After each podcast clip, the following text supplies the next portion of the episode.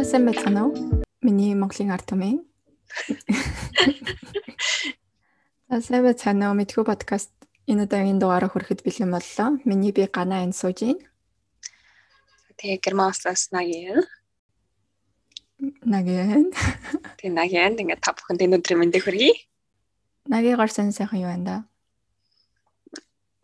Зөндөө их стресстэй байна да. Янаас ирсэн стресс вэ?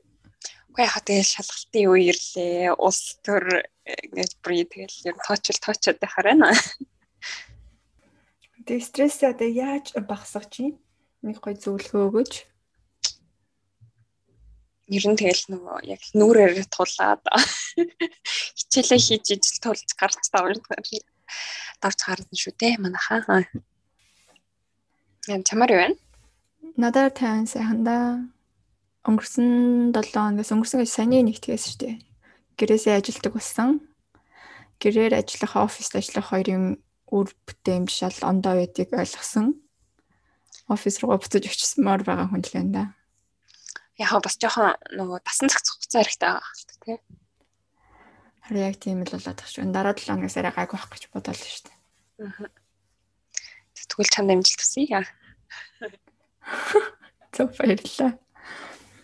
За хоёлаа шууд сэдв рүүгээ оръё те. Өнөөдөр бид хоёр өмнөх дугаар дээр хэлсэнчлэн ADHD буюу анхаарал дутмагших хит хөдөлгөөнтөх эмгэг ярих болсон байгаа. Энийг дийлэнхтэй ер нь хүүхэд ахуудаа тусдаг. Тийм, ерөөхдөө Монголд нэг амар тэгж онцлдог ч юм уу тэгдэг байх те. Харин би сэдв тэгж бодоод гэхдээ сүүлийн жилүүдэд онцлдог болж байгаа юм болоо бас сайн мэдэхгүй л байна. Харин тийм энд бол одоо хвчлэн багш нар нь ч юм уу хараад ажиллаад эцэгтэй нэрэл яг тусгай одоо нэг сэтгэл засалж юмч ч юм уу сэтгэл зүйч дээр авчиж үзүүлээд тэгээ яг оншийн тодорхойлолт юм байлаа. Аа. Нэрнээс нь та бүхэн анзаарч байгаа энэ нь болохоор нэг төвлөрөх чадвар муутай хитрхи хөдөлгөөн болон сэтгэл хөдлөл ихтэйгээрээ ялхардаг ахна. Тэгээ ийм имгээ ер нь хоёр хуваадаг. Яг сэдвүүдээр сэдв гэх юм уу гарчиг энэ эмгийн нэр нь яг хэлээд өгж байгаа. Эхнийх нь болохоор анхаарал дутмагших. Нөгөөх нь болохоор хит хөдөлгөөндөх гэсэн хоёр төрөлд хуваагддаг. Тэгээ энэ хоёр төрөл нь хоёулаа ер нь хүүхдэд ажиглагддаг. Гэтэ цөөн тооны тохиолдолд болохоор зөвхөн нэг төрлөө л агуулдаг гинэ. Тийм яг чамд хэлсэн чиний хэлснээр нэг цөөн тохиолдолд нэгийг нь агуулдаг гэсэн шүү дээ. Тэгээ тэр нэг хвчлэн нөгөө анхаарал төвлөрөлт багтай зөвхөн одоо тийм өвчтэй байхаараа нөгөө ADHD биш ADD болдог гинэ.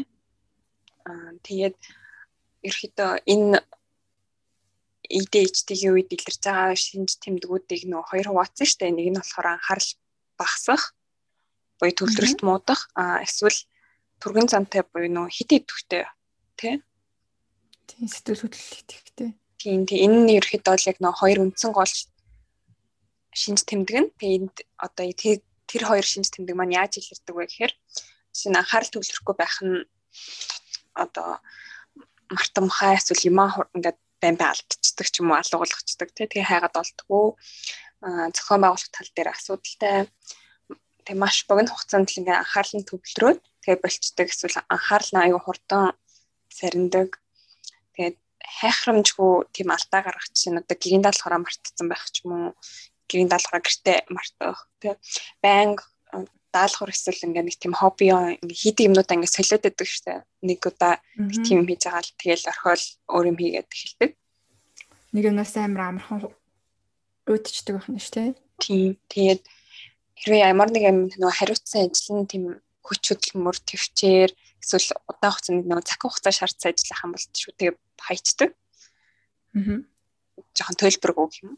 Тэгээд даалгавар өгөх юм бол одоо тэрийг ингээ нэг тийм анхааралтай ингээд сонсоод биелүүлэхэд аюу хэцүү гэх юм. Тийм зааврын одоо дагуу ингээ юм юм хийхдээ ингээд маш муу. Аа байдгаар ингээ анхаарал төвлөрөхгүй байдал нь илэрдэг байна.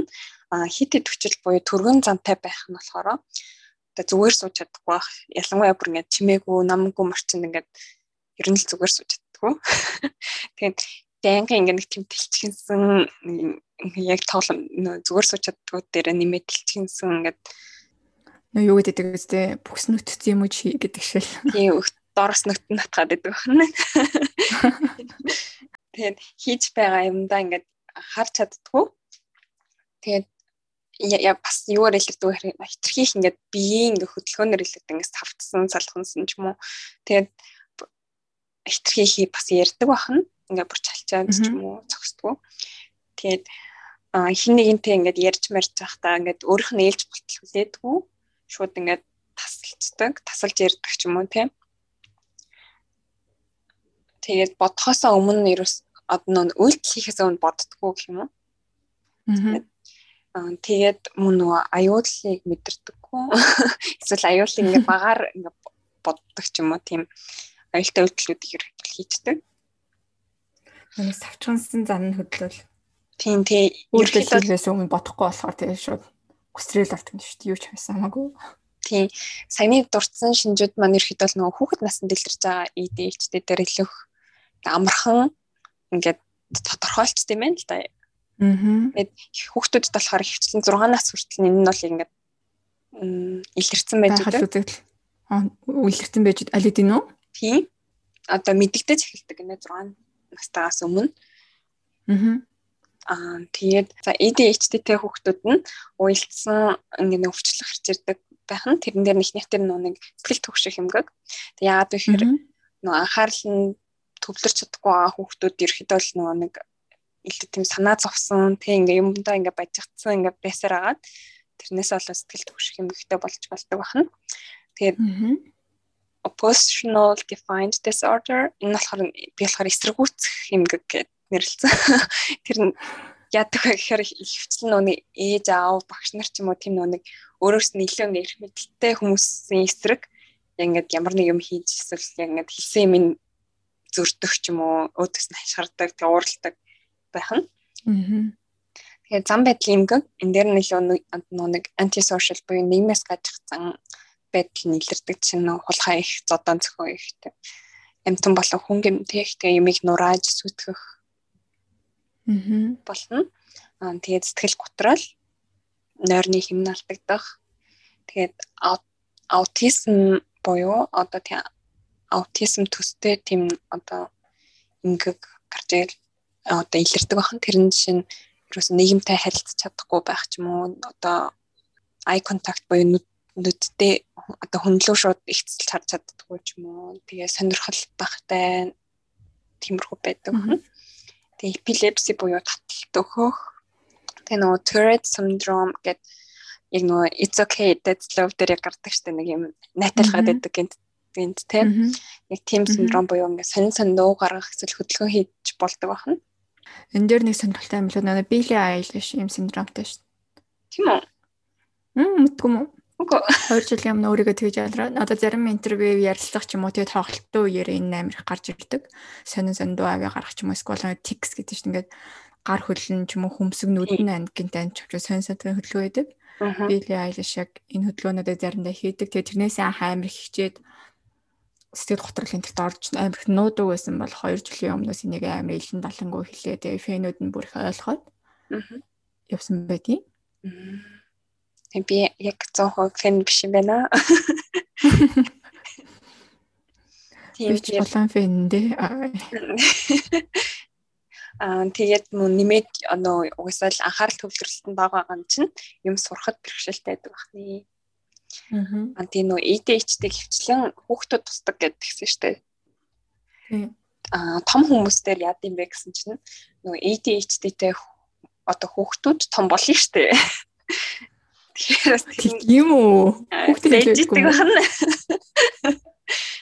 Том хүмүүст ингээд илрэх шинжүүдийн ингээд тодорхойлоод хэцүү байдаг гинэ. Яагаад тэгэхээр том хүмүүс нь одоо нөө хийсэн судалгаа шинжилгээний нэгдүгээр тутмаг.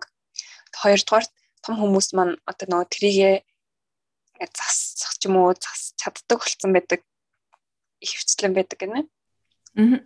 Тэгээд бас нөө ADHD нөө хөгжлийн буюу одоо өсөлтийн үеийн эмгэг гэж үздэг болохоор одоо хүүхэд үед илрээг бол насанд хүрсэн үнд илрэх боломжгүй гэж үздэг гинэ. Аа. Тэгээд ADHD-г шинж тэмдгүүд нь одоо хүүхэд үеэс өсвөр үе тэгээд насан турш үед хүртэл ингээд бэжэдэг гэнэ л те хүүхэд үед энэ илэрчээсэн бол ерөөхдөө л арилдаггүй тэгээд уялдаж гарч ирсэн эмгэгүүд штэ түрүүн бас нурцсан. Тэр дэр нь ч гэсэн бас бэжэдэг байх нь. Аа тэгээд 20 25 настай. Гэхдээ нөгөө нэг багтаас нөө ADHD-тэй гэж онцлогдсон хүмүүс дундаас 15% нь шинж тэмдэг нь одоо ч байж байгаа гэнэ. Тэгээд 65% нь тэр шинж тэмдгүүдээ гээсээ болоод одоо л нөгөө өдөр тутмын амьдралдаа ингээд асуудалтай байдаг гэсэн чадахгүй. Тийм. Тэгээд нөгөө хүүхэд үед илэрж байгаа шинж тэмдгүүд маань насан турш үнд ч гэсэн адилхан илэрж идэг.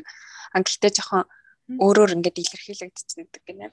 Тэгээд хит идэвхжил буюу нэг хит идэвхжил нь одоо насан турш хүмүүст илүү бага илэрдэг. Тэгээ анхаарал төвлөрт нь илүү их байдаг гинэ. Тэгэл угсаа хөвгшрэлт юм да тийм ээ. Тийм нэг хүүхэд үеийнхэн хит идэвхжлээс сураад одоо арай дардаг болчихсон. Ер нь тэгэл хөвгшрөөд бас хит идэвхжил нь хүртэл багасч шүү дээ. Танаас. Би физиологийн хойцсон. Тэгээ шинж тэмдгүүдийн нэрлэх юм бол бас нөгөө өмнө дурдсан дурдсан хайхрамжгүй болон тийм нөгөө ямар нэг юмны деталь буюу нарийн юмд нь анхаарал хандуулах нь баг. Тэгээ байнга нэг ажлаа дуусгадаггүй байж нөгөө ажлаа эхлүүлэх. Дуусгаагүй шууд хайчдаг. Тэгээ зохион байгуулалт муутай анхаарал төвлөрүүлж чадахгүй эсвэл ингээд одоо ямар ч нэг амьдралынхаа юмд ингээд нэг тэмдэс дараад л би болгож чаддгүй ингээд тэмдэс ингээ аваа хийдэг. Тэгээд байнга юм хайж гээд мартаж сандаг. Тэгэл тайван биш. Тэгээд ээлжээс нөгөө хүлээж чаддгүй те. Шууд дайрж орж ирдэг ч юм уу. Тэгээд бусдын яриаг шууд тасалдаг. Тэгээд ааш нь ааш цаанд банаа ингээд савлж идэг та ингээд дэшээ дошоо болол нэг амар сайхан толол нэг амар ааштай болол ч юм уу. Тэгээд амархан нэрвтдэг. Тэгээд стресстэй үедээ ингээд яаж тэрийгээ давж гарах мэддэггүй төвчээргүй. Тэгээд аюултай тийм риск өндөртэй юм айгуу хийдэг гэнэ. Жишээ нь одоо одоо бусдыг гэмтэх ч юм өөрийгөө гэмтэх риск таймнуудыг хүртэл хийж идэг. Жишээ нь хамаагүй тавхидаг ч юм уу тэ жолоогоо анхааралгүй барьдаг. Тэгээд насан турш хүмүүст бас л нөгөө зан чанар эмгэгүүд сэтгэл готрол тэгээд донтолтууд тийм нөгөө төрөчийн нугаартай ирсэн шиг хоёр төрөл эмгэг буюу bipolar disorder асууж ирдэг нэг харилцаа уялдаж. Бас нэг юм би уншижсэн уншижсэн юм шүү дээ. Сэтгэл зүйн хичээл авч явах сурч байсан. ADHD-тэй хүүхдүүд ингээд нэг доктортой биш гэдэг байгаа. Анхаарал нь дорноос дорхноос сарндаг юм энэ төр амир сайн хийж чадахгүй тэр нь болохоор өөрийнхөө сонирхолтой гэж санагдаагүй юм дээр тэгдэг гинэ. Зарим ADHD-тэй хүүхдүүд болохоор өөрийнхөө сонирхолтой юмнуудыг одоо эцэг их багш нь болоо гэсэн ч гэсэн ингээм амир хийгээд байдаг. Тэгсээр агаад ер нь гоц ухаантай ч юм уу амарлаг аа эрдэм эрдэмтэй ч юм одоо нэг тоон дуртай тоогоо нүцээр аач юм тийм лаг болдог тохиолдлууд байд юм бэлээ. Гэтэ зөвхөн өөртөө сонирхолтой л зүйлээ хийн. Тийм шинж тэмдэг нь уншиж хахад надаас чи хүүхэд хахад би бол жоохон бэс юм болов уу гэж бодмоор санагдсан шүү дээ.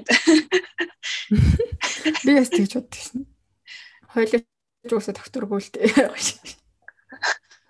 Яах тий. Тэгээд гэхдээ миний бодлоор нэг тийм амар удаан үргэлжлэх байх зүгээр яг хүүхэд болгонд тиймэрхүү үе ч юм уу цагаарлт байх гэж би бол бодож байна. Тэгэхээр энэ нөгөө нэг одоо үргэлжлүүлээд эмчилгээ оншилгоон дээр би нь ярина л та. Энэ шинж тэмдгүүд 6 болон түүнээс дээш үргэлжилсэн байх хэрэгтэй гэсэн заалттай байт юм билээ. 6 болон түүнээс дээш сар би сая сар гэж хэлсэн нөө. Мэдгүй байна. Хэлсэн баха. 6 болон түүнээс дээш сар үргэлжилсэн байх хэрэгтэй гэж заалт орж ирсэн байлээ. Аа. За тэгээд ADHD маань яагаад үүсдэг вэ гэсэн чинь одоо л тодорхойлоогүй. Тэгээд ерөөхдөө бол нөө олон нэм нөхцөл байдал яг нөө үүсгэгч биш. Гэхдээ нөхцөл байдлууд нийлж үүсгэж магадaltaй гэж үздэг юм байлаа. Тэгээд тэрнээр нь эхнийх нь болохоор генетик. Жишээ нь ээж аав нь ч юм уу ихсэн ах нь тийм байх юм бол тийм байх магадлал нь ихтэй. Тархины ажиллагаа болон бүтцэн өөрчлөлт жишээ нь зарим одоо ADHD-тэй хүмүүс жирийн хүмүүс харьцуулсан чинь зарим нэг тархины хэсэг нь арай илүү том ч юм уу арай илүү жижигхан байсан байна. Тэгээд дамжуулагч бодис буюу нөгөө нэг медиатор бодис гэдээсэн штэ тий. Тэд нар маань бас ингээд нөө ихсэн эсвэл багтсан байх боломжтой. Аа тэгээд зарим нэг бүлэг хүмүүст ер нь их таардаг одоо ихсдэг гэнэлтэй тэрэн жишээ нь нөө таталт өгдөг буюу эпилепси аа тэгээд тархины гэмтэл авч байсан. Аа тэгээд 37 хоногоос өмнө төрсэн буюу дутуу төрсэн. Аа эсвэл ингээ баг чинтэй төрсэн хүмүүс донд бас хэлбэг илэрдэг гинэ. Тэгэхээр энэ хин сэтгцийн эмгэгүүд шалтгаан амар тодорхой биш тэгээ дандаа. Эмгэгтэй угсаа шалтгааны тодорхойлоход хэцүү хэлгүүдээ тэгээ ч одоо хүний ингэ сэтгэж байгаа байдал нэг ингээд эмгэг гарчаад байна гэсэн хүчтэй сэтгэж ч юм уу бодож байгаа. Харин тийм бусад хүмүүсийнхтэй их их хүмүүсийнхтэй ижил юм биш бангууд нь оо энэ хэвэн бус сэтгцэн эмгэгтэй шинэ нэр шил өгцгөө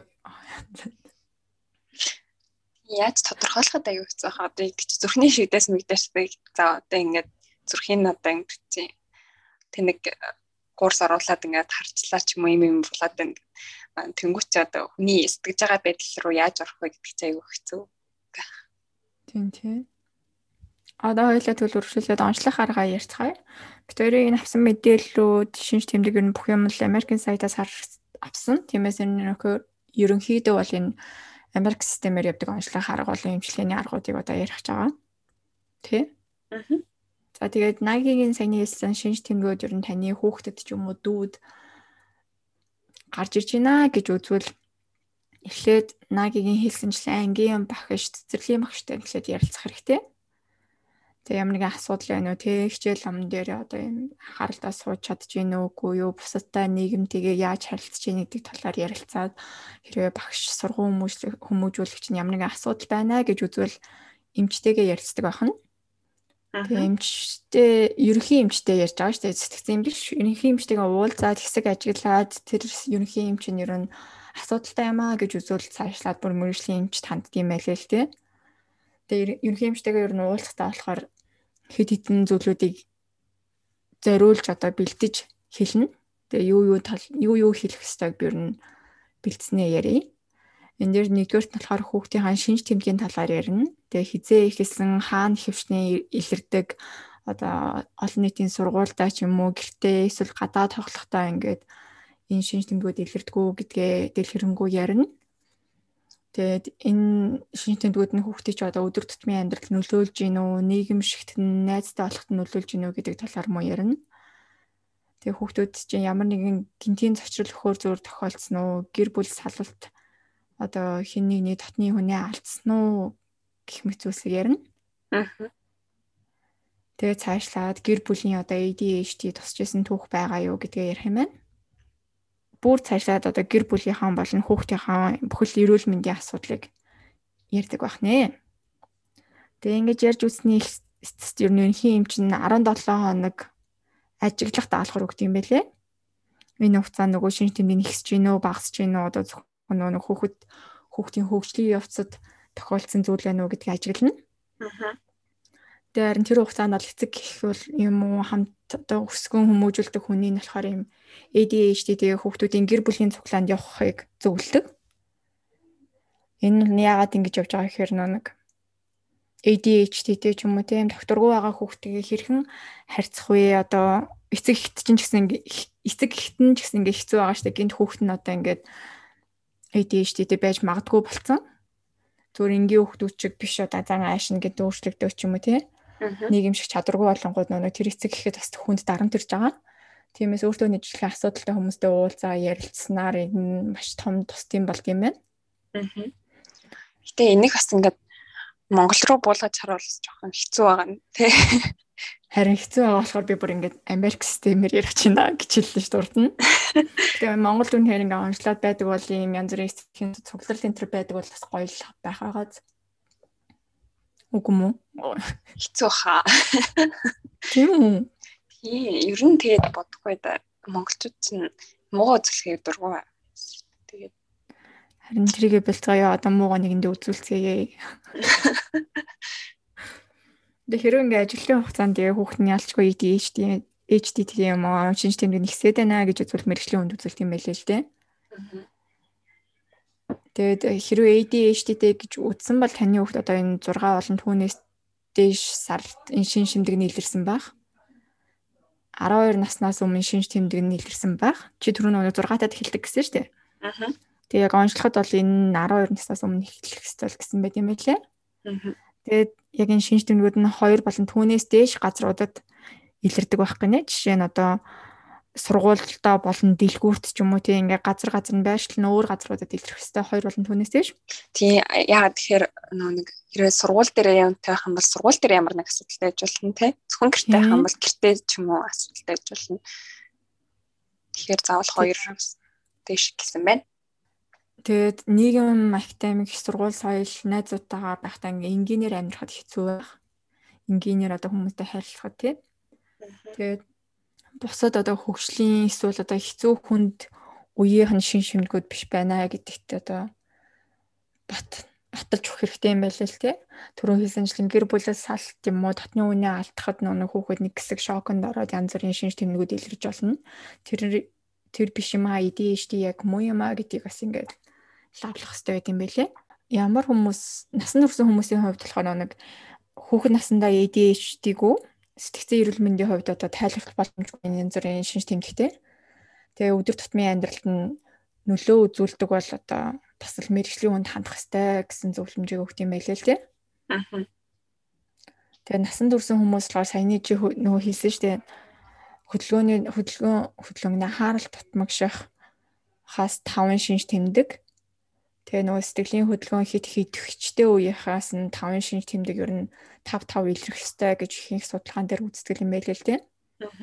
Оо нэг нэлээд шинж тэмдэг илрэх ёстой хүн. Харин зөндөө байгаа шүү дээ тэгэхээр. Тэгээ чиний хэлсэн шиг нөгөө нэг ер нь насны хүрсэн хүмүүс ADHD-тэй байхаараа яадаг вэ гэхээр хичээл, ном, ажилдаа ер нь амжилт хүрэхгүй, амжилт гарахгүй байх. Тэгээд аюултай агаар машин барих, найс нөхөдтэй болж чадахгүй, нийгэмшиж чадахгүй байх. Тэр нь бүр цаашлаад хайр сэтгэлийн харилцаа одоо хамтран амьдрах юм аа хамтрагчтайгаа ингээд үйл ойлголцох үүсдэг байх нэ. Гэтэ бас ууса бодохоор бас хайр сэтгэлийн асуудал дээр өндөрлөл үүсэх гэсэн шүү дээ. Аа. Тэгээ энэ одоо нөгөө нэг нэг ажиллаа дуусгахгүй харахад удчихдаг гэсэн чинь тэрнтэй бас холбоотой юм болоо нэг хүнээс уйдчихдаг уу? Тэрнээс гадна одоо нөгөө хүн нэг юм хүссэн чинь мань хүн хамт хийжсэн нэг хаяа явчихдаг бол сэтгүүл юм тий. Ээ тэгвэл бүр амар эвгүй үстэй. Харин тийм.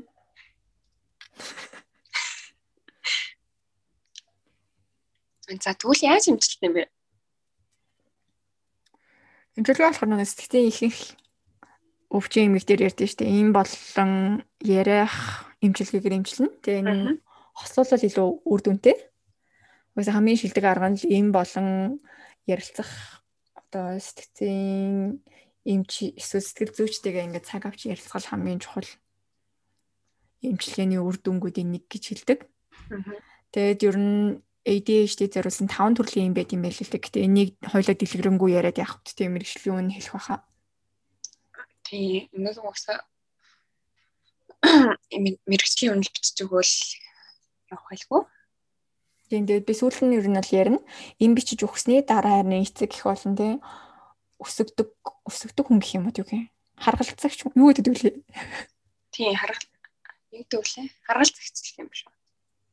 Тийм эцэг болон харгалзагчид нь ер нь эмийн хаана нэг үр дүн, үр нөлөө, гаж нөлөөг маш сайн судалсан байх хэрэгтэй юм билээ шүү. Ер нь Дэмжлэгээний хувьд болохоор ер нь ерөнхийд нь 5 хуваасан байдаг. Тэгээ нэмэлтээр нэг 2 юм орж ирж байгаа юм л та.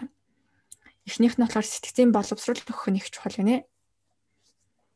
Тэр нь болохоор юу гэсэн үг вэ гэхээр тухайн хүнийг өөрийнхөө шимж тэмдэг нөхцөл байдлыг илэн далангуй яриулж үүнтэйгээ тасан цогцохтон тусалдаг гинэ нэг ADHD чамд байгаа ч гэсэн энэ бол энгийн зүйл юм аа. Энтэйгээ ч одоо ингээд м энтэйгээ ч одоо ингээд энгийн амьдралаар амьдрах боломжтой гэдэг ойлголтыг өгөх юм байна л да эхлээд. Аа. Тэгээ цаашлаад зан аашийн хэмжилгээнд явна. Ягаад гэвэл ADHD-тэй хүүхдүүд докторгүй байдаг, муухай ааштай болдог ч юм уу. Тэгээ янз бүрийн нэмэлтээр нэг босод нөхцөл байдал дээр э, муухай тийм зодон зохион хийдэг ч юм уу нэг хүүхдийг дургу юм хэлэнгүүд очиод зохиод авдаг ч юм уу тиймэрхүү ааш авар гарах боломжтой учраас зан аашийн хэмжилгээнд орно.